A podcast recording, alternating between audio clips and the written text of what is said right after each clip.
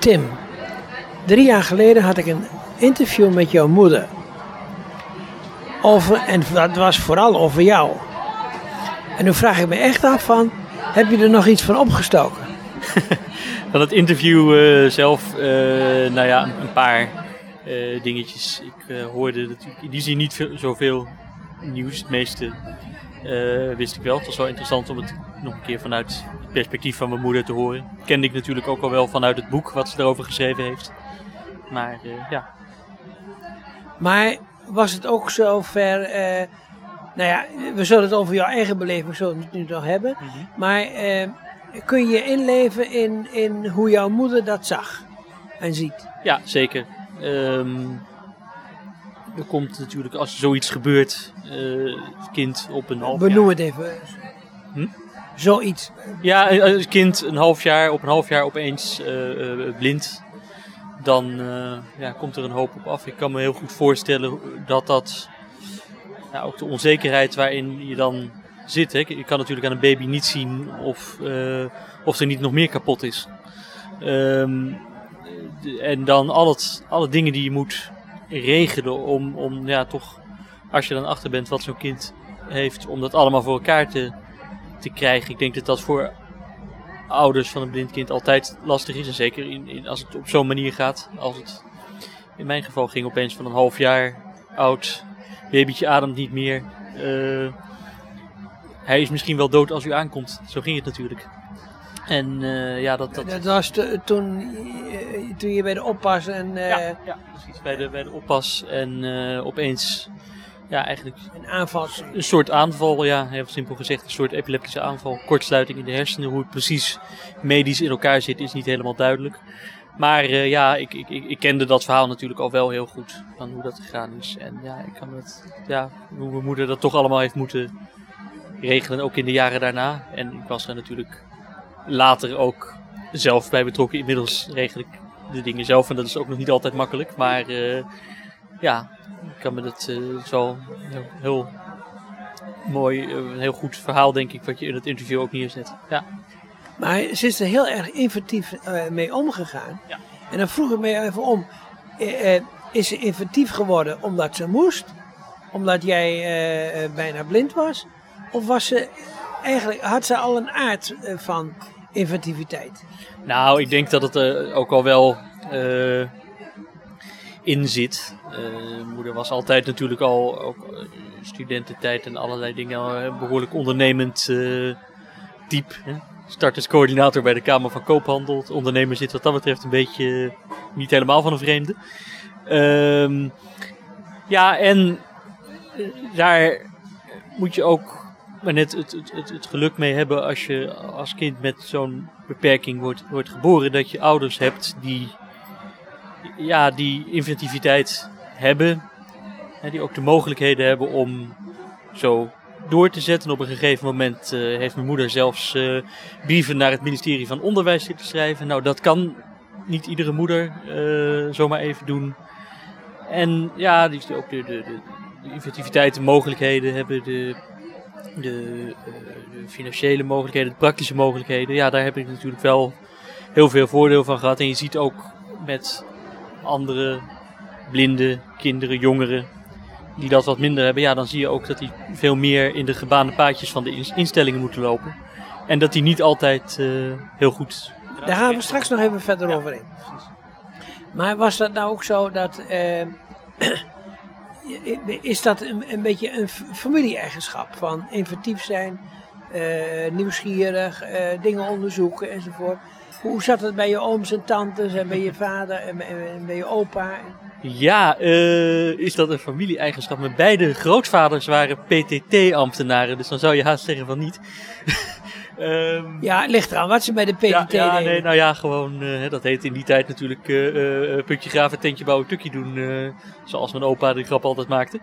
Ehm, dus dat was gewoon bij de telecom en, en kabels aanleggen en ook later in het management daar enzovoort. Nee, maar ja, ik, ik, ik denk, is dat een familie-eigenschap? Lastige vraag, ik denk het wel. We hebben wel een leuke familie. We hebben altijd nog de familieweekenden, altijd heel gezellig. En eh, een leuke groep leuke familie. Maar ja, zit het in de familie misschien wel. Maar, maar was jouw vader ook... eh, want die was directeur van de fabriek, geloof ik. Ja, die is altijd in het hogere eh, management en later ook eh, directeur van eh technologiebedrijven. Veel in de semiconductor-industrie, dus chipproductie. Ook maar met was er ook iemand die met idee, ideeën kwam? Ja, zeker. Kijk, mijn, mijn, mijn, mijn technische achtergrond. Zijn vader was eh, ingenieur. Die heb ik eh, ook niet helemaal van de vreemde. Ehm, en ehm, ja, ook heel veel. eh, het is wel altijd veel ge- ge- gepraat en verteld over ja, wetenschap, ruimte, hoe het heelal in elkaar zit. Dat is iets wat mijn vader ook heel erg interesseerde en wat we ook heel erg hebben. We- waar hij veel over vertelt altijd en waar we het veel over hebben. Ook bijvoorbeeld, ehm, ja, wat ik met, met eh, elektriciteit omgaan. Hè, dat, dat was ook al vroeg. Treintjes, eh, treinbaantje bouwen, dat soort dingen. Dat eh, vond ik natuurlijk ook geweldig. Dat deed ik dan ook wel met mijn vader. Dus in die zin heb ik heel veel dingen meegekregen. Kijk, mijn vader was natuurlijk wel, ja, altijd toch aan het, aan het, aan het werken. Het was de, de dingen regelen. En dat zegt mijn moeder ook in het interview. Dat was vooral mijn moeder zelf. En mijn vader heeft vooral ja, op, de, op de achtergrond heel veel daarin eh, gesteund. En maar mijn moeder was eigenlijk meestal degene die het gevecht aanging met die instellingen en dat soort zaken. En, en- je hebt één broer, hè? Ja, dat klopt. En, en is hij ook net zo inventief als jij? Ja, ja die is eh, iets, eh, die is eh, t- 2,5 jaar jonger dan ik. Die werkt inmiddels ook bij een eh, eh, IT-bedrijf aan eh, satellietnavigatie. Eh, dus eh, ja, ook wel een beetje de achtergrond. En die is ook wel, eh, die, die weet ook wel te redden. Ja, dus denk ik wel. Is, is hij bezig met het systeem Galilea? Ja, Galileo, ja. Klopt. Ja, dus, We kunnen er iets van vertellen. Ehm, nou ja, wat het Galileo is. het is het systeem. we, we hebben allemaal wel eens gehoord van GPS. En eh, GPS is het. Het is een Amerikaans systeem. Het is een Amerikaans systeem, ja. Dat zijn de satellieten die eh, om de aarde draaien. En ervoor zorgen dat als je je telefoon of je navigatiesysteem aanzet. dat je precies weet waar je je op aarde bevindt. Eh, en Galileo is de Europese versie daarvan. Hè. Europa wilde natuurlijk ook een eigen systeem hebben om niet te afhankelijk te zijn van de Amerikanen. Hè, want anders Maar, maar ik hoorde ook dat GPS dat die eh, doelbewust minder nauwkeurig is. Ja, dat klopt. Dat was, eh, zeker voor 2000 was dat zo. Inmiddels eh, is dat wel wat minder. Maar de Amerikanen die kunnen, als we geen Galileo hebben, kunnen ze, kan de heer Trump zeggen, oh, de Europese president doet iets wat mij niet zint. Nu schakelen wij de positiebepaling in Europa uit. En dan staat het stil. En daarom moeten we dus dat Galileo-systeem ook hebben. Daarom is het zo belangrijk. Eh, naast dat het natuurlijk veel preciezer is en veel betrouwbaarder is dan GPS. En je Ja, combineert... en, en er is ook nog iets van. eh, eh, er zijn stationaire satellieten. Mhm. Die staan geloof ik op 10.000 kilometer of zo. Ja. En, en nu zijn ze bezig om meer satellieten op maar een kilometerhoogte te zetten. Ja, nou nu gaan we wel erg diep erop in. Dan zou je eigenlijk Jos, mijn eh broer, dus daarover moeten interviewen. Want hij is dus betrokken ook bij de, ontwikkeling. eh, heeft hij een rol van eh, een van de bedrijven die een bepaald deel van die satellieten ontwikkelt. Want het probleem is altijd met de satellieten, en als je het ook over zenders doet, dat, dan, eh, eh, eh, eh, dat je zo'n eh, eh, zo'n wachttijd hebt. Hè?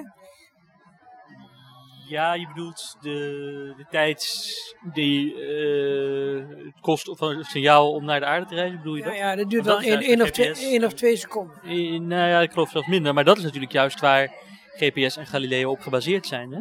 De tijd die het signaal onderweg is. Je weet waar de satelliet is. En je eh, ziet ook... je weet dat het signaal er een bepaalde tijd over gedaan heeft... om van de satelliet naar je ontvanger te komen. En door een aantal van die signalen te combineren... weet je dus de positie van een aantal satellieten. En daardoor kun je de positie pin, pinpointen, zou je kunnen zeggen. Dat is in de basis hoe het werkt.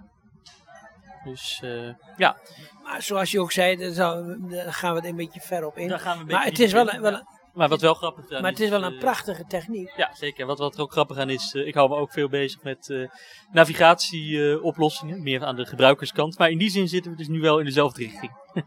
Ehm, heb jij nog in het verhaal van je moeder eh, in zoverre herkend dat. ehm, eh, eh, ik vraag me altijd af van. wanneer besefte je dat je zeer slechtziend was? Dat is een goede vraag. Ehm, in, Eh, Waar waar je geen antwoord op hebt. Jawel, jawel. In, het begin, in het begin niet. In het begin weet je dat niet. Ik heb Ja, maar dan denk je dat je eigen situatie normaal is. Gaat je dat gaandeweg realiseren? Je denkt inderdaad als, als kind dat het normaal is om dat te zien, dat het eigenlijk wel meevalt. Gaandeweg ga je natuurlijk steeds meer merken dat als je wat ouder wordt, dat andere mensen dingen wel kunnen die je niet voor elkaar krijgt. En dan ga je ook wat meer de referentie eh, ontwikkelen van. eh, maar ja, ik heb natuurlijk nooit geweten wat het is om goed te zien. Dus die referentie die, die heb ik. Ja, Niet. heb, je- heb je niet, maar Nee. heb je dan aan mensen gevraagd aan wat ze wel zien? En jij niet. Ik kan me dat. Ik heb, kan me wel herinneren dat ik dacht dat het allemaal. dat ik toch best veel zag. Eh, ik kan me niet herinneren of. Jij dacht dat je jezelf heel veel zag. ja, als, klein, als kind heb ik het dan over. Hè? Eh, als, Wa- Want dit kan ik ook en dit kan ik ook. ja, zoiets. Ik weet niet meer. Ja, goed. Het gaat wel erg ver terug. Maar. eh, ja, ik, eh, ehm, ik, ik weet niet of ik dat echt aan mensen heb gevraagd. Ja, ik heb natuurlijk wel veel ja, meegekregen van. eh, ik, had ook ouders die veel meegaven. En ik had zelf, was ook wel een kind wat eh, niet alleen mijn ouders, maar ook andere mensen nog wel de oren van het hoofd kon vragen. Eh, en ja, in die zin wist ik natuurlijk al vrij, vrij snel veel over kleuren en dat soort zaken. We gaan er zo even verder. Ja, precies.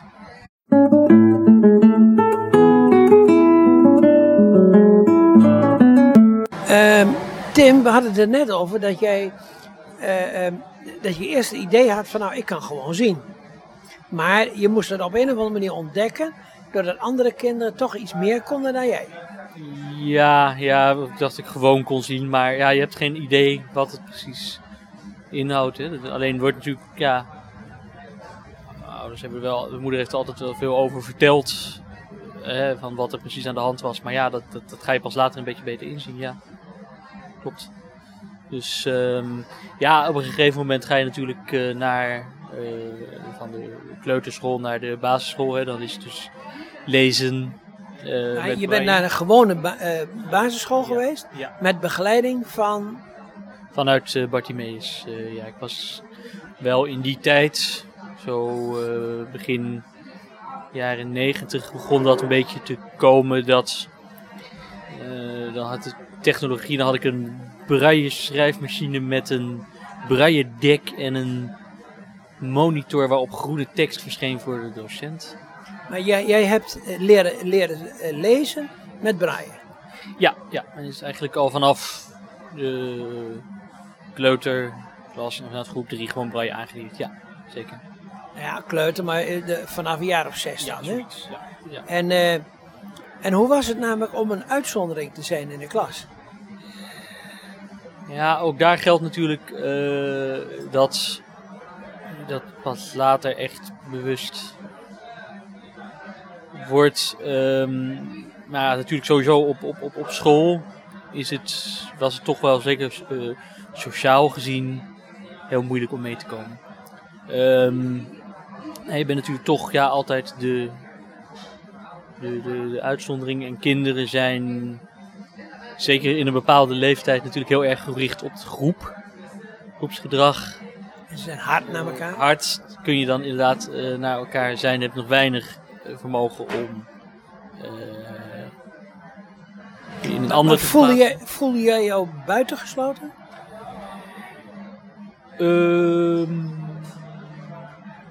ja, ik denk wel dat je dat kunt zeggen. Dat zeker op de basisschool en zeker begin middelbare school had ik altijd wel wat, wat, wat vrienden. Maar dat waren op de middelbare school werden die wel eens gekscherend een beetje de buitenbeentjes genoemd. Omdat het een beetje een groep was die wat, sowieso wel ook wat, eh, ja, eh, wat, wat, wat meer eh, open en wat alternatiever en, en niet, niet direct in die groepdynamiek eh, ingepast was. Ik had altijd En een laat me eens even raden, die buitenbeentjes gingen allemaal studeren. Ja, ja, nou ja, sowieso. Hè, op de middelbare school. Ik heb op het gymnasium eh, gezeten, dus eh, daar ging eigenlijk iedereen sowieso wel studeren. Maar ja, dat, dat ook wel. eh, dus ik had altijd wel een bepaalde. Ik had wel een aantal vrienden, vriendinnen op basisschool. op Maar, hoe was dat om met vriendjes om te gaan, terwijl jij... Want ze moesten toch een beetje rekening met je houden. Ja, lastig. Soms gaat dat redelijk vanzelf. Hè. Er zijn natuurlijk heel veel dingen ja, waar je, waar je eh, eh, eh, buiten staat. Hè, van allerlei spelletjes die gedaan worden. Dingetjes. Soms kon je dan wel andere dingen verzinnen. Ja, zo heel in detail. Dat gaat ook weer een beetje diep. Maar ja. Maar de, de mogelijkheden om gewoon aan dingen mee te doen zijn wel heel beperkt. Omdat er natuurlijk allerlei dingen zijn waar je sowieso buiten staat. Hè, bijvoorbeeld eh, op school, alleen al in de gymles zelf eh, moet je natuurlijk ook, kom je ook al gauw op de bank terecht. Omdat er toch een eh, balspel gespeeld wordt. Als we nou even sport hebben, je hebt judo gedaan.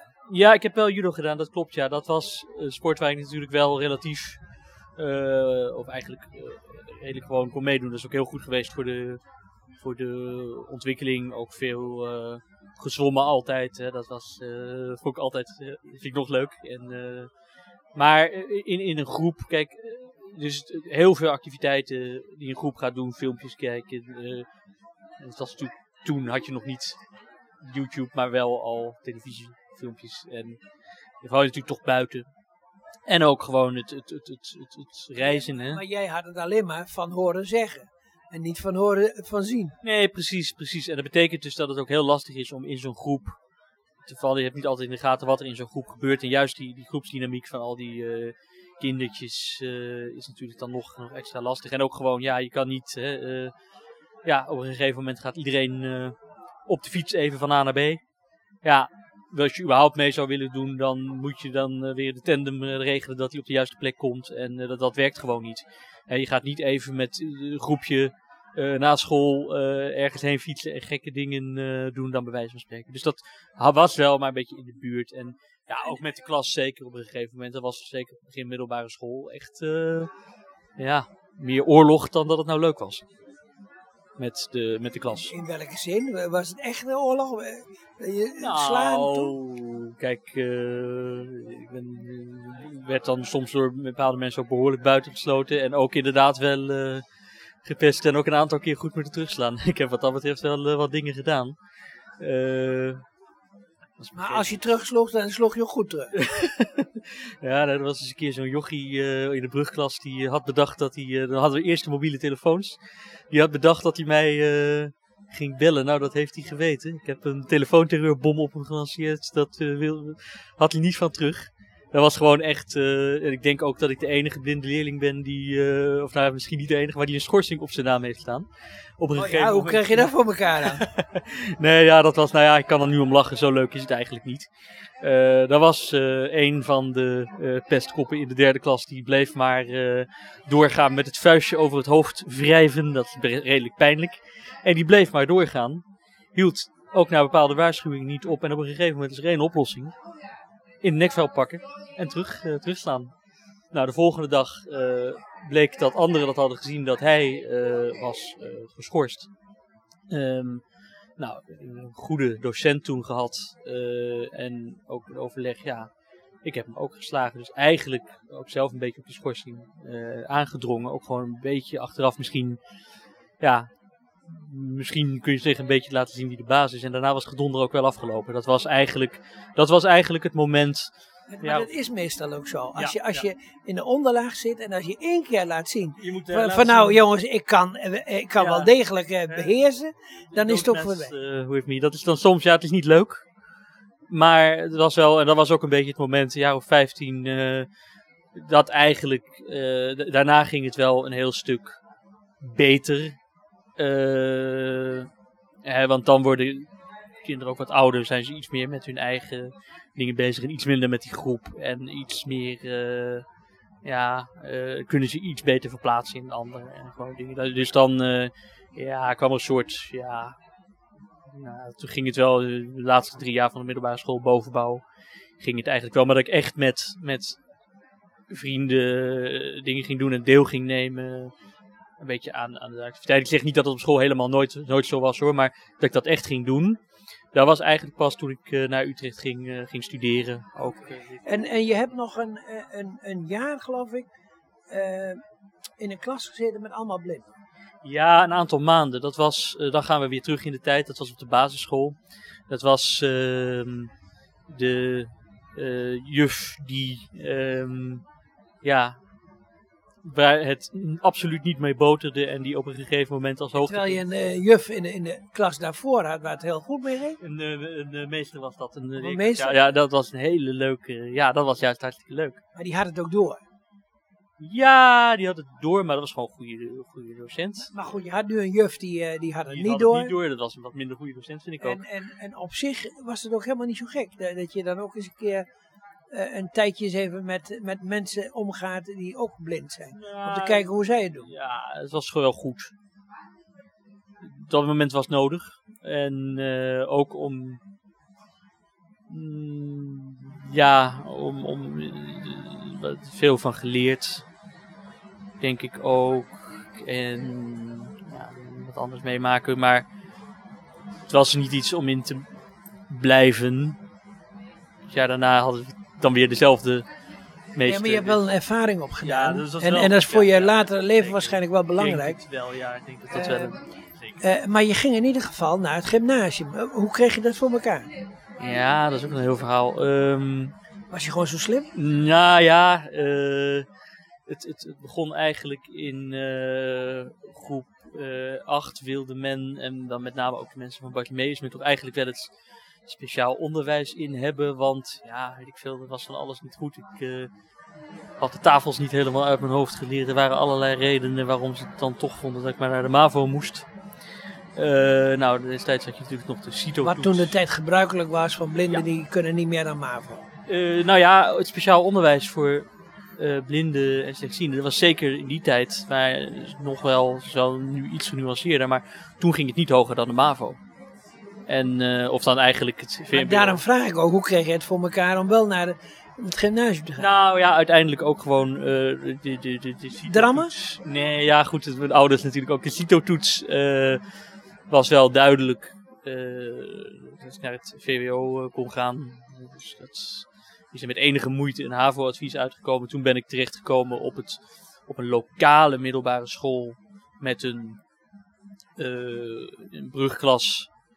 Waar ze dan de drie richtingen hebben, dus VMBO, theoretische leerweg of En, en, en eh, merkte je nou op die school ook een hele andere sfeer dan op de lagere school? Ja, eh, dat verhaal met die telefoonterreur is daar gebeurd. Ik heb daar één jaar gezeten. En het ging daar wel goed. En toen, ja, eh, academisch ging het wel goed. En, en dan gaan we daar op dat stukje Ja. gaan verder.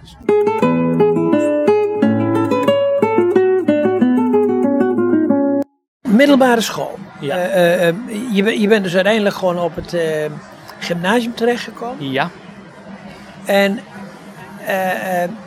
kun je dat kenschetsen, kort, hoe het was op het gymnasium? nou ja, dat was een, een school in Gouda, het Cornet Gymnasium. Mijn ouders woonden in Nieuwekerk aan den IJssel. Dus dat was iedere dag met het taxibusje. Lig je er natuurlijk weer mooi uit. Eh, eh, Ja, maar ik bedoel echt en- meer zo van, kijk op een lagere school heb je veel, Ja. dat, dat, dat, dan wordt er fysiek wordt er gestreden. Ja. En op het gymnasium wordt er meer met het verstand gestreden, Nou, of niet? ik weet niet of dat zo was. Kijk, eh, het, het gevecht met die klas, dat was daar dus ook heel sterk. Het was een beetje een vechtgroep ook wel. Er waren geloof ik veel meer problemen in die klas. Ook heel erg van dat ze het idee hadden dat ik... eh, ik, ik had een, laptop natuurlijk in die tijd. Dan moest er wel eens van alles eh, geregeld worden. En dan moest ik ook wel eens met zo'n helpdesk bellen. En dan was het een, eh, dan eh, steeg er een woedegehuil op uit de klas. Want ik was in de les aan het bellen geweest. En echt, ja, het, het, het is steeds het idee dat, dat, dat ik werd voorgetrokken, werd heel erg gedaan. Ja goed, achteraf zie ik natuurlijk ook wel de rol die ik er zelf in gehad heb. Eh, ik bedoel, ik heb natuurlijk ook, ook moeten leren. Kijk, wat voor... Maar heb jij je situatie ook uitgebuit? Hm?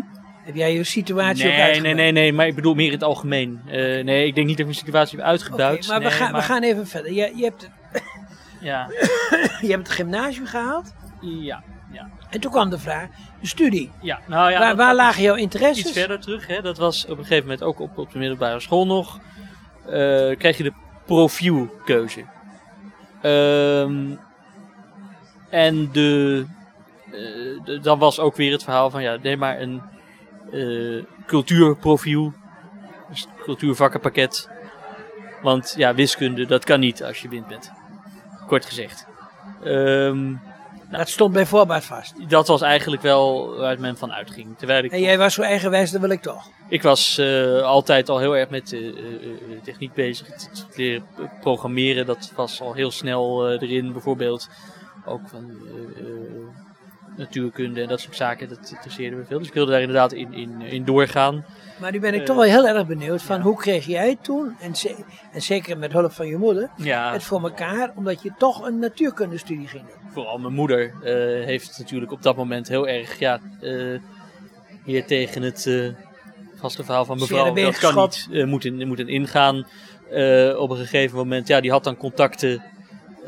Inmiddels werkte mijn moeder op dat moment ook al in de, voor, voor Bartimeus op dat moment. Ze had zoveel voor mij moeten regelen dat ze ook ongeveer eh, eh, alleen daardoor al eh, een van de grootste experts was die er rondliep, bij wijze van spreken. En, Ze was van ervaringsdeskundige deskundige geworden. ja, ja, ja, goed, in feite, ja, zo kun je dat wel zeggen, ja. Het heeft, is... eh, maar het is waarschijnlijk met veel drama enzovoort is dat voor elkaar. nou ja, eh, het kwam erop neer. Mijn moeder kende dan iemand in Engeland. En daar zijn we dan heen geweest. En daar hadden ze een school. Waar blinde kinderen wel gewoon wiskundeonderwijs kregen. En waar ze ook tot op het hoogste niveau doorgingen. Dus wij, wij naar Engeland. En zo ging dat dan. Eh, ja, weer niet iedere ouder kan dat en doet dat even. Eh, was dan ook natuurlijk wel gewoon Nee, leuk. maar ze maar heeft in ieder geval met, eh, met Ja. de gegevens die ze uit Engeland het had. ministerie kreeg brieven dat binnen de vigerende mogelijkheden, want er was er sprake van dat ik naar, in Engeland naar school zou gaan, binnen de vigerende mogelijkheden ging dat niet allemaal van dat soort taalgebruik eh, van... Oh, de jij, zou naar Engeland toe. Ja, daar is sprake van geweest. Ja, maar dat is niet doorgegaan en achteraf... eh, Nou, jammer toch? nou, eh, uiteindelijk hebben we dus in Nederland een, een, een- project van de grond gekregen, het Newton-project, waardoor ik eh, wel met succes het, eh, met een beta-profiel middelbare school heb kunnen afronden. En het idee was dat dan de kennis ook zou worden geborgd, zodat dat ook voor andere blinde leerlingen gebruikt zou kunnen worden. Ah, Oké, dus in, in feite, naar aanleiding van jouw situatie, Ja, is ja. er een Newton-project Ja, opgezet. ja, eigenlijk En, wel. en wat hield dat nou eigenlijk in? Want, want eh, eh, wat voor hulpmiddelen had jij nodig om eh, nou, wiskunde te kunnen? Nou, in de praktijk hield het eh, met name in dat, eh, dat ik heel veel eh, individuele eh, lessen kreeg van de docenten wiskunde, natuurkunde, scheikunde en biologie. Eh, en een aantal benodigde materialen, bijvoorbeeld de tactiele tekeningen, ehm meetkoffertje om scheikundeproefjes te Had je doen. toen al van die mecanodoos-achtige dingen voor die tactiele... Oh, je bedoelt om bijvoorbeeld moleculen te bouwen? Ja, die had mijn scheikundedocent had die. En daar hebben we dan veel mee zitten klooien over de koolwaterstoffen. En dan kon je inderdaad de bolletjes aan elkaar klikken tot allerlei Maar, verschillende... maar hoe ging je toen met eh, formules om? Eh, de formules in, in de computer. ehm, toen ook al. ehm, en ja, er zijn bepaalde notaties. Eigenlijk hebben we heel lang de, ja, wat we Excel-notatie noemden gevolgd. Hè, dus waarbij je eigenlijk het opschrijft net zoals je dat in Excel zou doen. Eh, dus wortel 2 wordt SQRT, dus haakjes 2. Later op de universiteit. Ja, zoals de formules in, in, Ja. in Excel, Excel worden opgegeven. Ja, ja, daar kwam het eigenlijk op neer. En op de universiteit heb ik een systeem dat heet dan LaTeX eh, gebruikt, wat bijna op hetzelfde neerkomt, maar iets, iets verder gaat en iets meer gestandaardiseerd is. Dus op die manier kun je dat dan wel doen. Ehm, het is natuurlijk wel lastig om op die manier vergelijkingen op te lossen. Maar dus be- betekent nog ongeveer 15 jaar geleden is dat eigenlijk begonnen. Dat eh, dat blinde of zeer slechte ki- kinderen eh, eh, wiskunde-achtige dingen konden doen. In Nederland was ik eh, de eerste in een lange tijd die dat gedaan had. Er zijn er sindsdien wel een paar meer geweest. Maar ja, dat is eigenlijk een beetje naar aanleiding van dat Newton-project. is dat dogma van het kan helemaal niet er een beetje afgegaan. Maar het blijft een heel moeilijk verhaal. Hè? Want ook je op de universiteit ook tegenaan blijft lopen. Dat is, ehm, er zijn ontzettend veel hulpmiddelen. Maar eh, ja, er, het, zijn, gaat om een hele kleine groep eh, studenten. Niemand weet wat er beschikbaar is, laat staan hoe het werkt. Voor ieder trucje wat ik zou kunnen toepassen in mijn studie, eh, ben ik een dag bezig om uit te zoeken hoe het werkt. Nou, dan kom je niet meer aan studeren toe, laat staan aan andere dingen toe. En vanuit dat verhaal hebben we, ja, ik ging toen ook weer met eh, moeder op mijn achttiende mee naar een wetenschappelijke conferentie over dit soort hulpmiddelen. Waar ik allemaal geweldige oplossingen zag. En Eh, waar was dat? in eh Linz, de ICXP. Nee, Eh, Linz in Linz Duitsland? in Oostenrijk. In Oostenrijk. Ja, in Oostenrijk. Dus de ICXP, International Conference on Computers Helping People. Waar ik dus allemaal geweldige oplossingen zag. Systemen om wiskunde, teksten eh, digitaal te maken. Notatiesystemen van alles. Maar die bereiken eigenlijk de student niet. En van daaruit is het idee gekomen om eerst de eh, Summer Universities op te zetten. En later de, in Nederland de Blind Science Conference, waarvan ik de afgelopen twee keer de voorzitter was. En dat dit jaar door een andere groep eh, zal worden georganiseerd. En het idee van beide evenementen was eigenlijk dat we in hands-on workshops eh, de, de studenten die eh, de beta wat- Even uitleggen hoor. Ja. Hands-on. nou ja, hands-on, dus praktische workshops en gewoon in de praktijk ermee werken. Dus de oplossingen die voor deze studenten beschikbaar zijn, dus voor wiskundestudenten, ook mensen die dingen als economie doen, zijn er allerlei oplossingen om, om wiskunde te noteren, eh, je documenten op te maken, tabellen eh, vorm te geven, tekeningen. Dat we die in hands-on workshops, dus dat we daar daadwerkelijk mee gaan, gaan werken eh, in de groep. Ja, zodat de studenten een indruk krijgen van welke oplossingen er beschikbaar zijn. En ook daar een beetje mee kunnen experimenteren zonder dat ze meteen een hele, een hele dag of meerdere dagen kwijt zijn om zelf in de handleiding uit te zoeken hoe het dan precies eh, werkt. En eh, die Nou evenementen. ja, maar ze moeten wel een, conferentie bijwonen van... eh, Ja, ja dat, dat wel. Ja, dat is natuurlijk, kijk, dat, dat kun je niet helemaal voorkomen. Aan de andere kant is dat zeker, als je gaat studeren, ook natuurlijk wel waardevol als je dat wat internationaler kunt trekken. maar, maar is dit nou uiteindelijk gewoon de enige opening voor blinde kinderen om wiskunde te doen? Eh, ik, eh, ik denk het op dit moment wel. Kijk, ik ben toch Want, altijd... want, de, want de instituten en de verenigingen heb ik nog niet erover gehoord. Nee, die, die, die, die- er- wordt wel steeds meer aandacht aan besteed, maar in de praktijk heeft dat nog verdomd weinig om het lijf. Ja, dat klopt. Dus eh, van de instituten moet je denk ik nog steeds voor de begeleiding eh, bij dit soort dingen niet in de eerste plaats hebben. Er zijn maar heel weinig mensen die überhaupt iets vanaf weten. Laat staan die weten hoe dingen als latex echt in elkaar zitten. Dus wat dat betreft zouden jullie- jullie zijn met- graag, eh, jullie meer zijn- bij de White Jullie zijn Science- met te weinig. het is, dat is natuurlijk het probleem. Het is een hele kleine groep studenten. Kijk, en deels... Op, op hoeveel schat je dat? Ja, het hangt er een beetje vanaf waar je het over hebt. Ik, ik denk, Ja, nee, maar la- laten we even zeggen, de, de, de mensen die een studie doen waar ze wiskunde bij nodig hebben. eh, universitair niveau. Ja, ik denk dat je het op, in Europa gaat het in Nederland. in Nederland misschien tientallen, maar geen, zeker geen honderden. En dan heb ik het over echte braille, eh, studenten die braille gebruiken. Hè. De groep eh, die nog wel wat kan lezen met vergroting is eh, wat groter. Maar echt braille gebruiken, nou, als het er tientallen zijn. En op Europees niveau heb je het ook, denk ik, eerder over honderden dan over duizenden. Zo klein is die groep. Ja, dat is heel, heel klein. Ja, dus dat is ook Maar, maar desalniettemin, eh, ook al is het een kleine groep, Ja. eh, de instituten hadden daar best wel aandacht aan kunnen hebben. Het is, het is nou juist de rol van zo'n instituut, lijkt mij eigenlijk. Hè? En, ja, lijkt mij die zien ook. ze bij Blind Science eh, tot nu toe eigenlijk. En we gaan zo meteen even verder.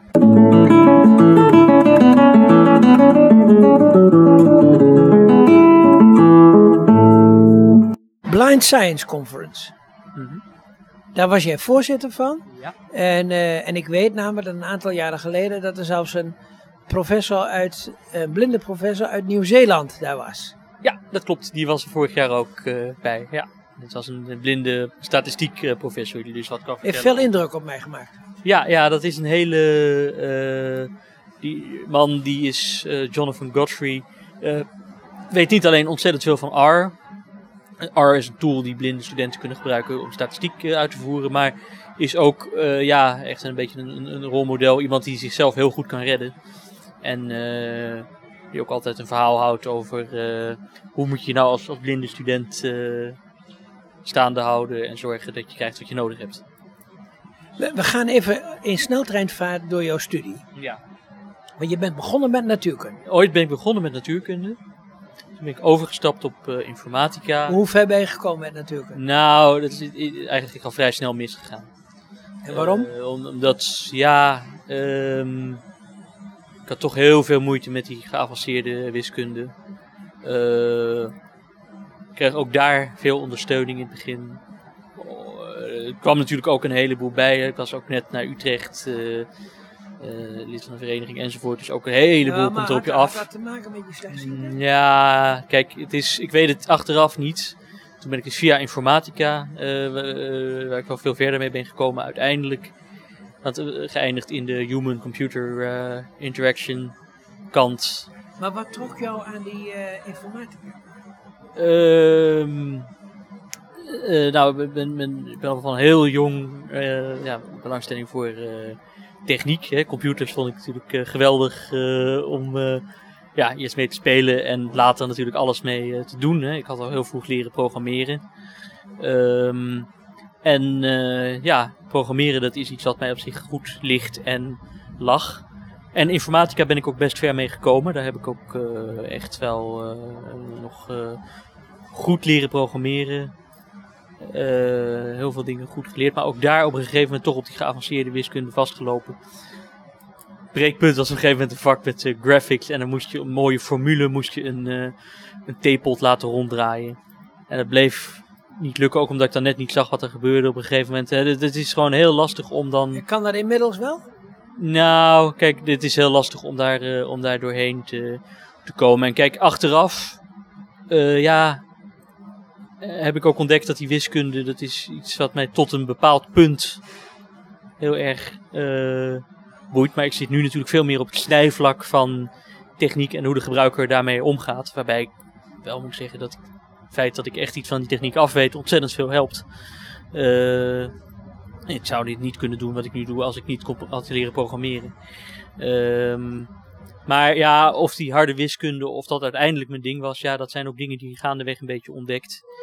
Ja, aan de andere kant is het wel zo dat als je het allemaal wel ziet, dat je net iets makkelijker over de drempel heen komt.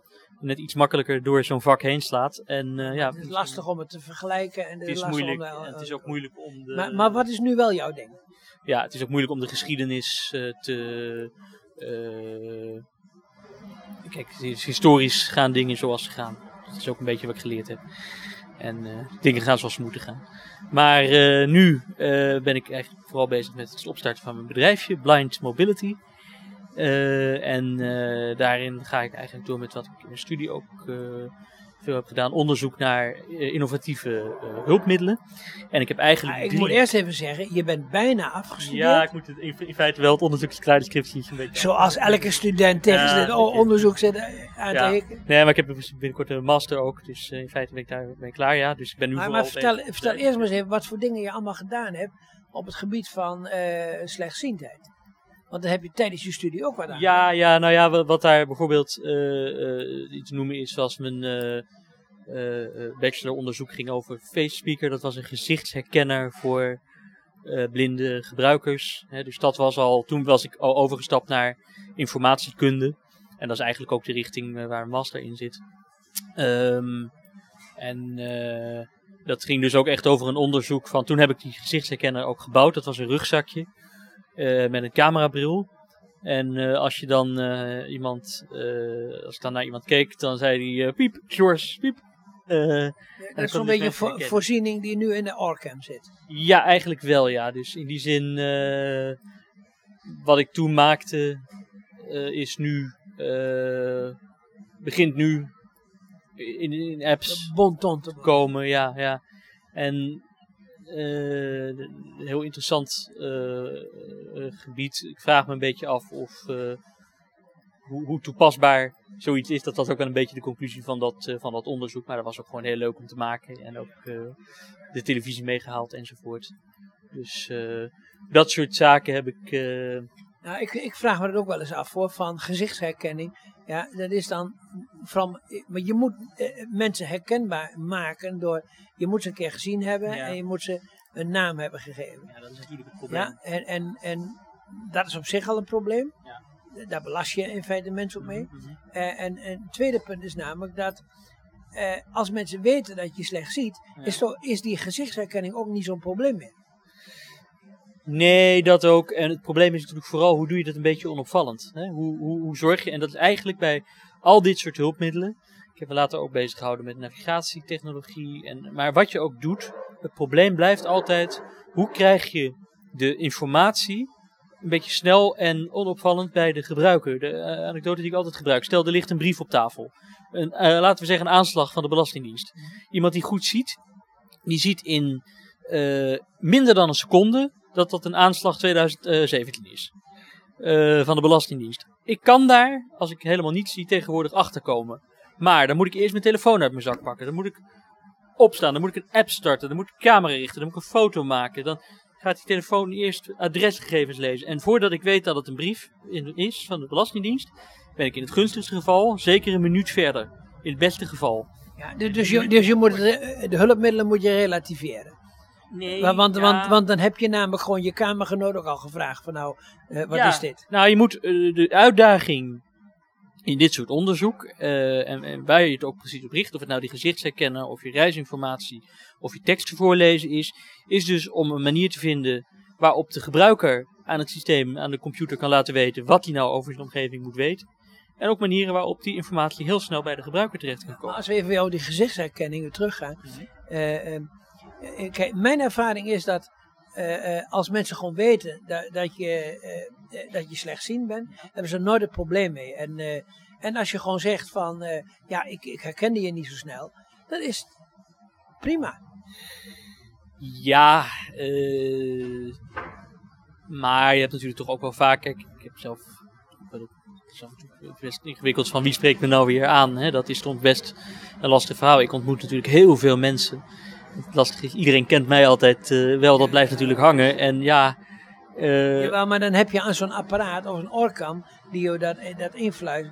Heb je daar zoveel aan? nou ja, dat kan natuurlijk wel helpen. Als ik even hoor van dat is die en die, dan kan ik me wel vaak herinneren van, oh ja, die heb ik toen, toen ontmoet. Dus, maar goed, het is ook deel van het onderzoek hoor, is de vraag van in hoeverre moet je alles willen, willen voorlezen. Kijk, het is heel goed om dat soort dingen te onderzoeken. Oké, we, we hebben nu. eh eh, eh, jij bent bijna afgestudeerd, Ja. of je gaat in ieder geval afstuderen, Ja. neem ik aan.